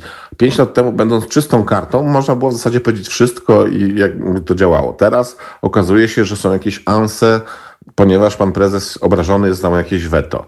E, Tutaj ktoś uważa, że niekoniecznie, bo gramy przeciwko komuś. Pamiętajmy, to wyszło dopiero w przypadku e, Gowina, a jeszcze wyjdzie w przypadku Ziobry, że tam są trzy partie, nie jedna. To nie jest Prawo i Sprawiedliwość, tam jest jeszcze Solidarna Polska, i to coś, co ja nigdy nie zapamiętuję, jak się nazywa, porozumienie, o przepraszam, porozumienie. W związku z tym ambicje polityczne grają i tu jest warto spojrzeć na podstawie kampanii prezydenckiej właśnie i tego listu, od którego rozpoczęliśmy rozmowę, kto stoi w drugim i trzecim szeregu za Jarosławem Kaczyńskim. To jeszcze Dlatego, dodajmy, że że- w porozumieniu też nie ma jedno, jednomyślności, to też właściwie są dwie partie. Znaczy tam jest jednomyślnie, że, że stanowiska są ważne, tak? To jest jakaś jednomyślność taka dosyć e, stuprocentowa i tak, to nie, no tak, to trzeba ich zrozumieć, no w sumie cóż można jeszcze wymyślić. Natomiast no, chcąc nie chcąc zostało to namieszane mm, i m, cały czas już mówiliśmy o tym mm, tydzień temu, to nie będziemy powtarzać, że E, No, prawnie też jest to dyskusyjne, natomiast e, to ciśnienie rośnie. E, Już pomijam pandemię, która nie wiadomo, czy jest e, tuż przed szczytowaniem, czy tuż po szczytowaniu, czy zupełnie się wypłaszczyło to szczytowanie. Środki unijne, teraz jeszcze przed wyborami Parlament Europejski i Komisja będzie mm, wiązała z praworządną i tak dalej, i tak dalej, i tak dalej. E, W związku z tym niektórzy też rozglądają się, czy szalupy są rzeczywiście już wypuszczone, czy, czy już y, są zajęte. E, I y, w przypadku niewygrania wyborów przez pana mm, Dudę, mm, czy wygrania e, tych wyborów przez kogokolwiek innego niż e, Andrzej Duda, może się okazać, że e, będzie po prostu wielka ewakuacja, bo to będzie trochę zderzenie z taką górą lodową. No wtedy się może zmienić po prostu większość parlamentarna dość szybko. E, Doktorze Może drogi, tak. jak twoim zdaniem zadziała ten e, spodziewany wymiar aktywności Unii Europejskiej, bo on nabierze konkretnego kształtu tuż przed wyborami. To będzie jakiś 24, może 26 czerwca. I wtedy się okaże, że mm, po pierwsze TSUE nam zaczyna grozić i mówi, e, zróbcie z Izbą Dyscyplinarną wreszcie porządek, tak jak kazaliśmy, a po drugie znów wróci do wiązania pieniędzy potrzebnych na odbudowę polskiej gospodarki z przestrzeganiem praworządności. To będzie tuż przed wyborami. Jak to zadziała? Czy nie zadziała w ten sposób, że oto Polacy powiedzą hola, znowu nam się wciskają z buciorami w pościel. A tu może być dokładnie taka sama sytuacja jak z tym, co teraz mówiliśmy, że e, to nie zadziała w żadną stronę. To znaczy, e, mm, ci, co uważają, że e, ważne, żeby być w Unii Europejskiej, e, również ze względu na wartości, a nie ze względu na bankomat, to już to wiedzą. E, ci, co uważają, że warto tam być ze względu na bankomat, no to też to wiedzą. A grupa, która uważa, że tam w ogóle nie warto być, też istnieje. No i zostaje ta czwarta część. E, pytanie, jak zostanie to sprzedane? No jeżeli e, opozycja szeroko rozumiana minus Konfederacja, jak rozumiem, jakoś to wytłumaczy, ale nie na zasadzie, że nie wiadomo, co się będzie działo, bo tam coś będzie, nie dostaniemy, a może dostaniemy i tak dalej. To jest abstrakcja. Tak? To musi się odbywać tu i teraz. E, ludzie muszą dostawać coś, taką obietnicę, która jest realnie do zabrania do domu. E, no to może jakoś zadziałać. Natomiast ja podejrzewam, że akurat przez ten czas um, niewiele się wydarzy, łącznie z CUE. Um, teraz no, jakiś być może ruch został wykonany. Um, takim probierzem jest niezabranie immunitetu sędziemu Tulei że jednak władza gdzieś się zatrzymała przez moment, albo nie mają tam takiej większości, chociaż w tej Izbie Dyscyplinarnej akurat mają, e, żeby nie pokazywać, jeszcze nie zaostrzać tego konfliktu kolejnego pola. Natomiast nie widzę ciągle jeszcze e, e, takiej determinacji u większości mm, Polaków, która mówiła, że oczywiście musimy, nie wiem, odsunąć aktualną ekipę od władzy, ponieważ wyprowadzają nas z Unii Europejskiej. To się gdzieś nie sprzedało. W tych krajach, co się sprzedało, to się sprzedało, to, to, to są pewnie Borcy Trzaskowskiego, Hołowni, e, Kosiniaka, tak? To, to, to być może tak, gdzieś jakaś część jest taka, chociaż tutaj z Kosiniakiem to trzeba by uważać. E, natomiast e, chyba jest za mało czasu, żeby to jakoś strasznie wyeksponować.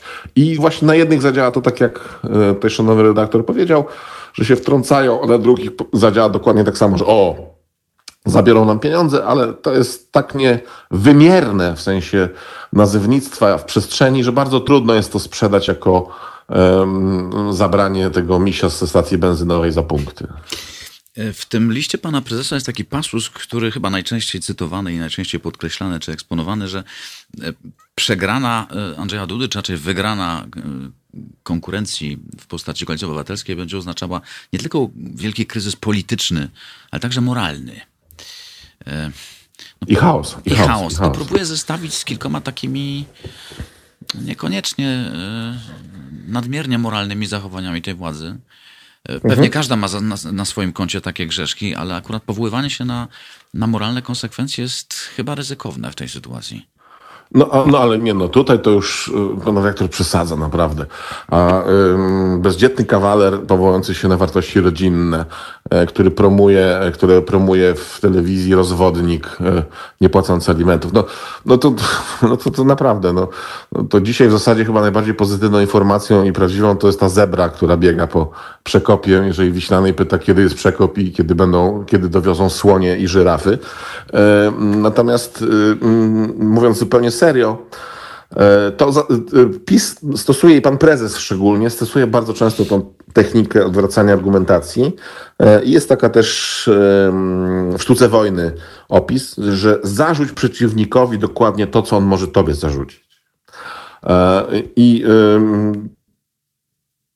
że będzie chaos, że będą się nie dogadywali. E, I w tym się gubi gdzieś to wszystko, co już zgubiliśmy po drodze, również kohabitacja. Podoba się, nie podoba się. No my mamy coś takiego, że prezydent powinien się dogadywać. Dlaczego e, prezydent Kwaśniewski jest tak mocno um, oceniany pozytywnie, najbardziej pozytywnie ze wszystkich prezydentów, jacy byli ever w Polsce po 80. Bo chcąc, nie chcąc, podpisał cztery reformy Jerzego Buzka rządu, tak? E, swoich przeciwników politycznych i tak dalej. Wszedł w konflikt, no może nie w konflikt, ale w taką przyjaźń, jak to się ładnie mówiło, z Leszkiem Millerem. E, szczególnie w drugiej kadencji potrafił pokazać różne rzeczy, chociaż pierwszy też, bo inaczej by nie wygrał w pierwszej turze. No dlaczegoś wygrał, tak? I to jest jakaś, jak, jak, jakaś sytuacja, czego my jako społeczeństwo gdzieś oczekujemy. Stąd, nie wiem, no, hasła są różne i tak dalej, natomiast y, y, to, co próbowano tam jakoś, że to teraz jest silny prezydent, tak, to też robił y, Lech Kaczyński. Ja bym się tutaj nie czepiał o plagiaty, hasła były wszystkie już kiedyś na świecie wymyślone. W związku z tym pan prezes stosuje taką technikę, którą zawsze stosował, że po prostu zarzuca coś, co można było, było zarzucić jego ugrupowaniu w sposób, no, jeszcze frywolnie retoryczny, ale pan prezes lubi E, par excellence wyciągać różne rzeczy, e, zależy przy jakiej literze w słowniku się znajduje. I to zawsze ekscytuje wszystkich, bo muszą, o nie, to musimy o tym porozmawiać, e, ale to pokazuje, że rzeczywiście mm, jeżeli będzie tak, jak pan prezes mówi, to prawdopodobnie trzeba czytać odwrotnie, że jeżeli będzie e, prezydent nie z PiSu, czy nie z prawicy, no to ten rząd, który jeżeli będzie jeszcze funkcjonował, to będzie musiał się jakoś dogadać, bo to już wtedy jest i Senat, e, i prezydent, tak? E, a niestety pan Andrzej Duda tutaj traci dla siebie niestety te punkty, no bo nawet bardzo nie wiem, wierni fani niech będzie e, prezydentury, począwszy od nastolatek do, do, do mm, dziesięcio tam e, setlatek, powiedzmy, e, nie uważają, że jest samodzielny. Tak? Uważają, że jest absolutnie powiązany z PiSem i to też jest trochę odpowiedź na, na twoje pytanie, jak to było trzeba robić. No, trzeba było powiązać absolutnie od samego początku z Prawem i Sprawiedliwością i Prawicą, bo cały czas jako partie polityczne oni są na pierwszym miejscu i wygrywają wybory, które by się odbyły na przykład przedwczoraj, prawda? A nie sądzisz, że to jednak jest dobry argument? Popatrzcie, na co skażecie Polskę tym Trzaskowskim. Będzie kompletny chaos. Nie dogada się Senat z Sejmem, Sejm z prezydentem, prezydent z Senatem, być może tak. Tak się nie da rządzić. Polska ulegnie ruinie, zwłaszcza, że katastrofa nad nami. Potrzebujemy silnej nie, nie, no to zamysł taki jest, dokładnie. Taki był, jeżeli, miał, jeżeli był brief na to, jak to macie robić, to macie tak to robić. To taki poszedł taki przekaz. Właśnie tak macie to sprzedawać wszyscy od powiatu do, do województwa i macie ta, taką grę prowadzić, że po prostu przyjdzie e, w zasadzie demon, e, demon kłótni e, i tak dalej. Natomiast no, my Polacy jeszcze mamy parę takich cech, które czasami się przydają, a czasami nie się nie przydają. I jak ktoś już tak strasznie na, na, na, nam ciemnotę wciska na, na, na nie powiem na co, chociaż nie to w przestrzeni funkcjonowało, mógłbym powiedzieć, to mamy reakcję odwrotną. Tak? To, to jest, e, jak ktoś kiedyś karmił Dziecko to wie, że dziecko jak już jest przepełnione tym jakimś tam przecierem, to po prostu wypluwa to wszystko. I my jesteśmy w takim przydedniu trochę wypluwania tego, e, bo to nie bardzo działa. To nie bardzo działa. E, nie wiem, czy dawkę jak się zwiększy, to też nie bardzo działa, bo żołądek ma jakąś pojemność e, mm, i tak dalej. Natomiast gra o to idzie, bo widać, że to jest taki argument, i to też będzie widoczne, że kampania jest raczej na minus niż na plus. Czyli na, w żargonie e, specjalistów od wizerunku i marketingu politycznego mówi się gramy na negacie. E, I to ewidentnie widać, że to łatwiej przychodzi granie na negacie w tej chwili Prawo i Sprawiedliwości czy w ogóle e, prawicy, niż na jakichś takich mm, rzeczach pozytywnych, ponieważ to jest weryfikowalne. Frankowicze, tam to, śmo, owo, tamto, co jest, czego nie było, ile obietnic było. E, mm, weryfikacja nawet dzisiaj w tekście pana redaktora było przecież ile spółki Skarbu Państwa e, kiedyś kosztowały, ile teraz Dziękuję kosztują. Dziękuję za przeczytanie, e, doktorze. Ależ to w ogóle polecam zawsze i wszędzie, nawet przez sen. Świetna analiza. I na tym to polega. Na tym to polega, że jeżeli ktoś potrafi dodać 2 do 2 i wychodzi mu 4 albo w okolicach 4, to znaczy, że mówi, no nie, no coś tu jest nie tak. E, e, trochę taka jest, jak, jak kiedyś było, e, Zenon Laskowik mówi, że co innego widzę, a co innego słyszę, tak? Mam taką chorobę po prostu. Jest taka teoria, która mówi, politologiczna, nieskomplikowana zresztą, która mówi o tym, że po pewnych latach rządów, pewnej formacji ta sinusoida się musi, musi podwracać i że byłby czas. Tymczasem jak się przyglądamy badaniom opinii publicznej tuż przed tymi wyborami, no to mamy dwóch kandydatów, którzy wysforowali się daleko do przodu, jak ta ucieczka przed peletonem. Obydwaj są prawicowi, mniej czy bardziej, ale jednak. Lewica w głębokiej defensywie, w głębokiej defensywie. To jest kwestia kandydata, czy to jest kwestia braku zaufania do lewicowości w Polsce jako takiej? Musielibyśmy zdefiniować, co to jest lewica, bo jeżeli mielibyśmy się posłużyć takimi pojęciami, które jeszcze funkcjonowały w XX wieku, to tutaj lewica z jednego powodu, no może nie z jednego, ale e, jednym z, jednym z powodów głównych jest to, że e, lewicę zastąpiło Prawo i Sprawiedliwość. Dlatego, że mówienie o tej partii, że jest prawicowa, jest też trochę naciągane, bo ona może być prawicowa w sferze ideologii. Mm, nadbudowy, tak. E, natomiast w sferze, w sferze bazy jest bardzo lewicowa, czasami trącąc nawet o taką, e, to niektórzy ekonomiści mówią o bolszewickość w gospodarce, e, czy o bolszewizm gospodarczy. W związku z tym, jeżeli pojawia się trzech muszkieterów lewicy, z czego jeden jest powiedzmy z dawnego aparatu PZPR-owskiego, no to takich y, sekretarzy Prawo i Sprawiedliwość też ma, prawda? Nawet ma chyba wyżej stojących niż pan Czarzasty kiedyś w hierarchii PZPR, y, pan Jasiński, tam ktoś jeszcze i tak dalej. E, mm, no pojawia się Zandberg, y, który jest rzeczywiście, nie rozumiem pana Adriana Zandberga, o co mu chodzi, bo jeżeli chodzi o to, że miał 2 do 3%, to będzie miał jako partia Razem, czyli taka skrajna lewicowość. I jest pan Biedroń, który miał być tą twarzą europejskiej lewicy, e, który też e, wystartował, bo musiał, takim był pakt trzech muszkieterów, natomiast pomysłu na to startowanie nie było od samego początku. E, no i to widać, jak się miota, no bo zarzucanie teraz, nie wiem, Trzaskowskiemu, hip, no załóżmy hipotetycznie, że zarzucanie Trzaskowskiemu, że porzuca Warszawę, żeby zostać prezydentem Polski, no jest po prostu hipokryzją, bo pamiętam pana Biedronia, który mówił, że jak dostanie się do Europarlamentu, to odda mandat następnej osobie i tak dalej. Czyli wiarygodność to jest druga rzecz. Czyli lewicowość zastępuje PiS, y, tą wiarygodność też nie mają najlepszą, a poza tym widać ewidentnie, że tuż po wyborach, to ja się mogę założyć o wszystkie pieniądze świata, z tych trzech ugrupowań każdy pójdzie w swoją stronę. Na swoją kanapę się uda wyciągając być może nogi na jakiś podnóżek, A czyja będzie najszersza? No myślę, że pana Czarzastego kanapa będzie najszersza ciągle jeszcze. A może wszyscy nie, się przysiądą do niej, poza Zandbergiem oczywiście. No nie, no ale kanapy mają swoją pojemność, nawet jeżeli te nowoczesne można poszerzać o jakieś tam e, boki, to, to myślę, że tak jest, ale też nie, nie podejrzewam, że partia Razem chciałaby się dosiadać, będzie szła własną drogą do ten, ten cień mgły, ostry cień mgły tej, no, sondażowy. Doktorze drogi, to na, na końcu o haśle politycznym, haśle wyborczym, bo zobaczyłem je na mm, sztandarze, czy raczej na billboardach pana Trzaskowskiego. Silny tak. prezydent, wspólna Polska, co to ma być w ogóle? No ale to żadnych haseł, znaczy ja nie widziałem hasła, które miałoby jakiś sens. Nie, dlatego jest e, taki claim, który brzmi mamy dość. To brzmi, tam są emocje, okej, okay, negatywne, ale są. Ale mocny prezydent, wspólna Polska, co to jest? A ja bym, ja bym chciał, żeby ktoś w Polsce się odważył i powiedzie, powiedział właśnie na haśle, moim hasłem wyborczym jest mamy dość, albo mam dość, tak? E, czy dosyć. No ale to zawsze się szuka, żeby tak hasło specjalnie nie przeszkadzało, ono jak e, nie przeszkadza, to już tak jakby pomagało. No i żeby nie było do wyśmiania za bardzo, no bo pierwszą reakcją konkurencji było to, że to jest plagiat z e, prezydenta Kaczyńskiego. Chyba no to zamierzony trochę. No bo, no, ale to nieważne. No. Jak mówię, wszystko już było. Ja, ja tych haseł mam spisanych w swoim komputerze około 570 z polskich tylko i wyłącznie wyborów. I naprawdę w zasadzie jakbyśmy wrzucili do maszyny losującej i wybrali cztery słowa, dowolnie, to w zasadzie byłoby podobnie. E, w związku z tym to jakoś strasznie nie razi i strasznie nie, nie, nie przeszkadza, ale, ale też co, nie powala Mirek, na kolana. Po co, po, co, po co tworzymy hasło, które, e, którego po, które po pierwsze nie niesie żadnej treści, a po drugie nie pamiętamy o nim tydzień po wyborach? Po co to?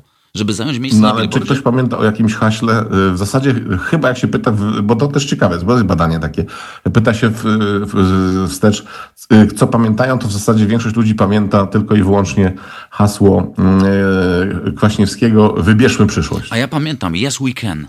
To jest amerykańskie no, mamy nie, dość. To chyba nie w tym stanie, nie? Okej, okay, ale to jest, to jest, to jest bo, amerykańskie mamy dość. jest w innych stanach. Wiem, wiem, tylko to jest amerykańskie mamy dość. Tam też nie ma żadnej treści, są emocje za to nieprawdopodobne. A do urny idzie się z, z emocjami, a nie z kartą wyborczą. Problem jest taki, e, że polscy politycy, e, mimo że mają w tej chwili wszyscy poniżej pięciu dych, ci co startują na prezydenta, otaczają się ludźmi, którzy robili kampanię wyborcze może poza Szymonem Hołownią, którzy robili kampanie wyborcze 5, 10, 15, 20 lat temu. E, I ponieważ polscy politycy to jest moja odwieczna pretensja, nie chcą się uczyć, nie uczą się, uważają, że są najmądrzejsi, rzadko korzystają z porad e, niezależnych agencji, e, raczej szukają wśród kolegów i znajomych, to wtedy są takie wyniki. Jak się trafi lepiej, to się trafi lepiej, jak się trafi gorzej, to się trafi gorzej, ale to są nasi. Co byś przewidywał, jeżeli chodzi o ludzi Szymona Hołowni? Bo ja zakładam, że mogę się mylić, oczywiście będę wtedy gratulował serdecznie zwycięstwa w wyborach. A gdyby się okazało, że rzeczywiście ta ekipa prezydenta nie wprowadzi do e, Pałacu Namiestnikowskiego, to co z nimi? No już wiemy, co z nimi, bo to jest ta ewolucja, która zawsze następuje. E, e, tutaj to, to stwierdzenie o, o, na początku o Pawle Kuki jest bardzo, bardzo trafione. E, ja pamiętam, jak Hołownia zaczął startować, powiedział, że on tylko, on start, znaczy nie tylko, on startuje, przepraszam, ale jak się nie dostanie, to się rozwiązuje i tak dalej. Nie zamierza tworzyć partii. Już wiemy, że zamierza, ale to było oczywiste z samego początku. Ja tylko powiedział, że startuje, dlatego, że e, ludzie, którzy są za e, kandydatem, mm, no, tak jak w armii napoleońskiej, no nie mogą chodzić na głodnych żołądkach, bo wtedy armia po prostu nie, nie maszeruje. I teraz ta perspektywa, tym bardziej, że w Polsce jest to absolutnie przekładalne. Nasz system na to spokojnie pozwala, ja tutaj się tylko uśmiechnę w stronę pana Olechowskiego, który był, zdaje się, trzeci e, albo drugi. Mm, I powstała platforma. Tak? Czyli jest to, jest to, jest, model jest sprawdzony, już można copyright do tego wstawić. E, e, Szymon Hołownia też przeobraża się w politykę, ciągle politykiem jeszcze nie jest, chociaż widać, że ma większe predyspozycje do zostania politykiem niż Paweł Kukiz, który do tej pory nie został politykiem. Jeszcze ciągle, może już nie zostanie. No i wtedy te tryby zadziałają, bo jeżeli przypatrzymy się e, Bosko, no powiedzmy dziennikarz, zresztą bardzo dobry według mnie, ale później jakieś tam te amerykańskie różne fundacje, czy, czy, czy, czy coś tam. E, pan Cichocki, czyli współpracownik Donalda Tuska, i generał Różański przecież, tak? Tak. No to przepraszam najmocniej. No to znaczy, że albo tam jest jeszcze ktoś w drugim, trzecim, czwartym. No tam jest Wadim Tyszkiewicz, zdaje się również. Legenda A to samorządu. tego akurat.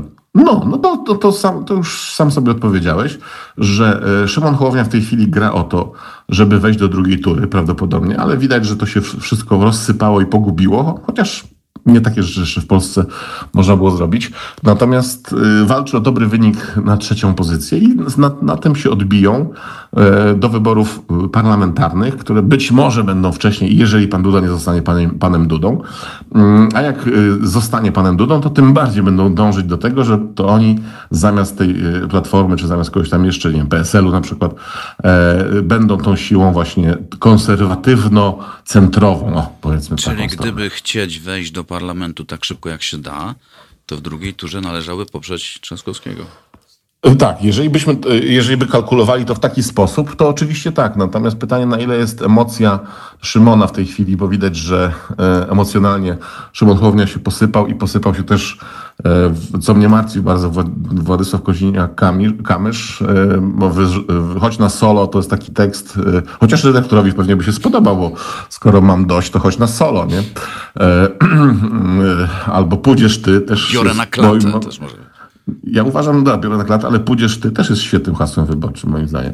E, to tutaj rzeczywiście e, im szybciej by ta formacja powstała i szybciej mogłaby się zweryfikować w wyborach, to tym byłaby tym mocniejsza.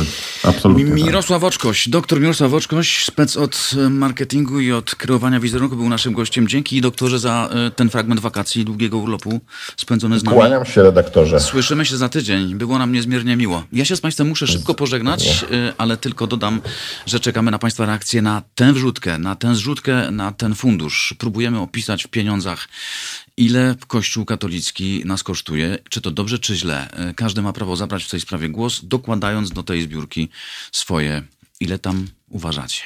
Jest dokładnie 14.45. Tyle dziś przed południem, popołudniem w Halo Radio. Do usłyszenia w piątek za tydzień.